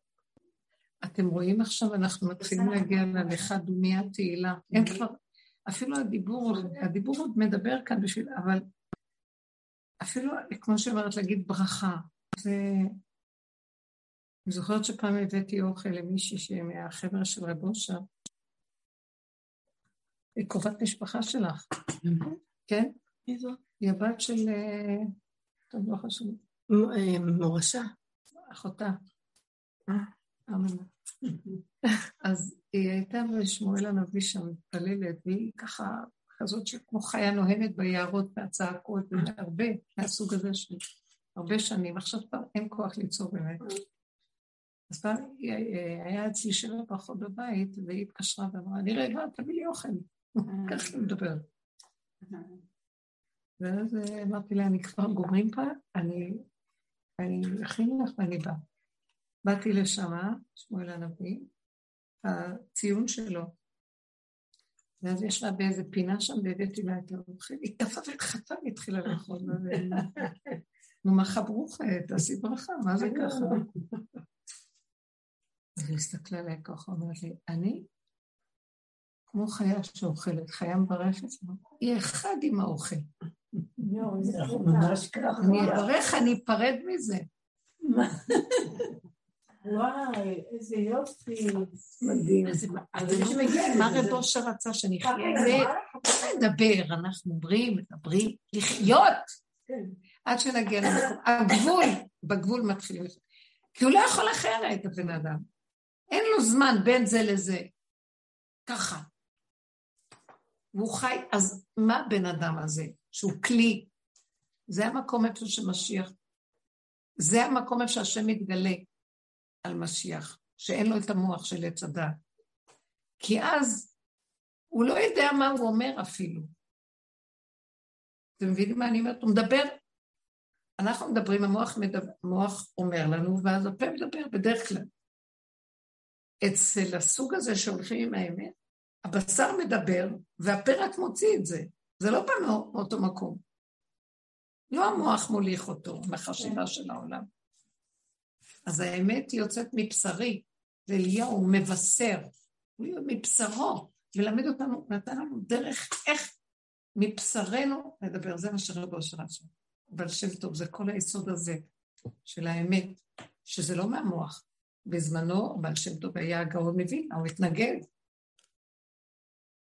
כי זה כל התורה וכל העבודה של חכמים היה בעץ הדעת דווקא, ירדו לתוך הדעת של עץ הדעת, לפרק אותה ולהוציא ממנה את האור של האמת שבתורה.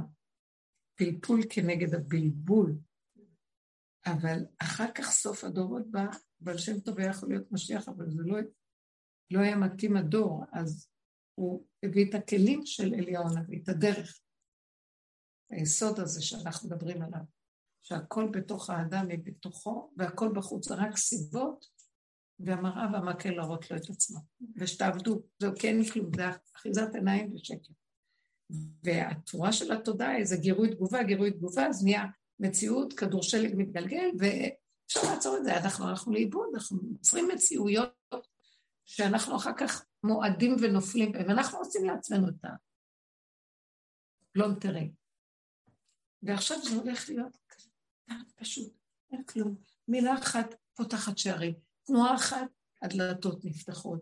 לא יודעת מה, הכל פשוט קטן, כי המוח הזה לא מפריע.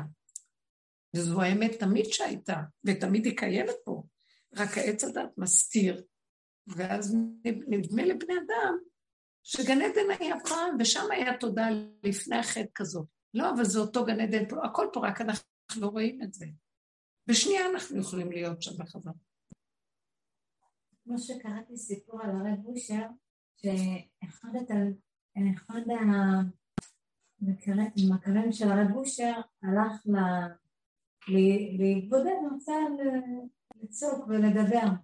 עכשיו, כשהוא הגיע לשם עד שהוא נסע לשדה, הוא לא הצליח להוציא, והכל כאילו במוח, אז הוא אמר, כבר השם יודע הכל. אז כשהוא חזר, הוא אחר כך היה אצל הרב בושר, אז הרב בושר אמר לו, למה לא צעקת? למה לא צעקת? למה לא הוצאת, אם צריך לדבר, להוציא, ואז הוא אמר לו, אני והשם ככה. לא, הוא אמר לו, איך אתה יודע? לא, הוא היה ביער, יוסי די, אני מכירה את הסיפור ממנו, אחד התלמידים של רב אושר. אז uh, הוא רצה להיכנס לראש שלו, לא יכול להיות, הוא אמר, אני אסע לפלד, ליער, ואני קצת אהיה שם. אז הוא הגיע ליער, והיה לו הרבה מה לשפוך מרוב כאבים. ולא יצא לו כלום, אז הוא ישב ואומר, טוב, אני אשתוק וזהו. השם יודע הכול. כשהוא חזר לרב אושר, אז רב אושר אומר לו, כשהולכים ליער, צועקים, מדברים עם השם וצועקים. ואז הוא אמר לו. אז הוא אומר לו, אה, רב אושר, איך ידעת? מה שאני עשיתי. שעון אלקטרוני. אז הוא אמר, אני והשם ככה. כי הוא הגיע למקום הזה של מה זה אני והשם ככה? בואו נבין את זה, אנחנו כאן מנסים. הוא חי את זה. הוא היה בגבול שלו, מת לו התודעה של העולם והאני של העולם, בשביל זה היה צריך גם למות כדי להגיע למקום כזה. גבולי, גבול, ושמה השם צילך יד ימיניך. אתה אומר ככה, זה הוא אומר ממך. אתה, אתה מרים אצבע, אומר מי זה מרים זה? אני לא, זה הוא. כי אין לו אפשרות אחרת בכלל, שזה יכול להיות משהו נוסף או מישהו אחר. אז אין כבר אני עצמי, זה אני השם בתוך האדם, קופסה שיש בתוכה אנרגיה אלוקית תמידית. מאיפה, מאיפה הבן אדם נושם בכלל? אבל המוח הזה גמר עלינו, הוא לא נותן, הוא מפריד אותנו מהמצב הזה. וזה כל העבודה שלנו, לפרק אותו עד לגבול, עד שבסוף נגיע למקום ש... כלי נקי. כלום. בא לך מחשבה עד כמה הולכת, עושה לו, חוששת לו, מתחשבנת לו, מתלבטת ולא. ככה וזהו, וככה וזהו, וככה וזהו. זהו. אנחנו עכשיו ברצון השוף של סוף הדרך, שככה זהו. רגעים כאלה באים לנו ויותר יתעצמו ויבואו, ויותר ויותר יהיה המציאות הזאת, זהו. והתודה הזאת עכשיו היא כבר ממש מחיית עמלק. מרגישים מאוד קרוב את העניין של הגאולה. קודם כל זה גאולת הפרט, לא יודעת מה עם הכלל. משיח הפרט. גם להיזהר, לא להסתכל מדי מתי הגאולה, מתי הגאולה, לא שואלים שאלות. זה רגע איפה שאת במקום, נקודה, זהו. אנחנו לא אחראים הכלליות. הגאולה בהחלט ששמח לך לרגע. ישראל. רק רגע. היסח הדעת הוא משיח. אין משיח מגיע רק בהיסח הדעת. היסח הדעת זה רגע, כי, אה, כי אחד ועוד אחד ועוד אחד עושה דעת. היסח החשבונאות זה רגע וזהו, אז זה משיח. אז כל רגע לעשות את זה. תודה רבה לכם. תודה רבה לכם מתוקות, דבש מתוק, תודה. תודה שבאתם לשמוע. תודה. תעבירי לה את זה, את יודעת, היא תגיד לך שהיא תרצה את ההקלטה של השיעור. רגע,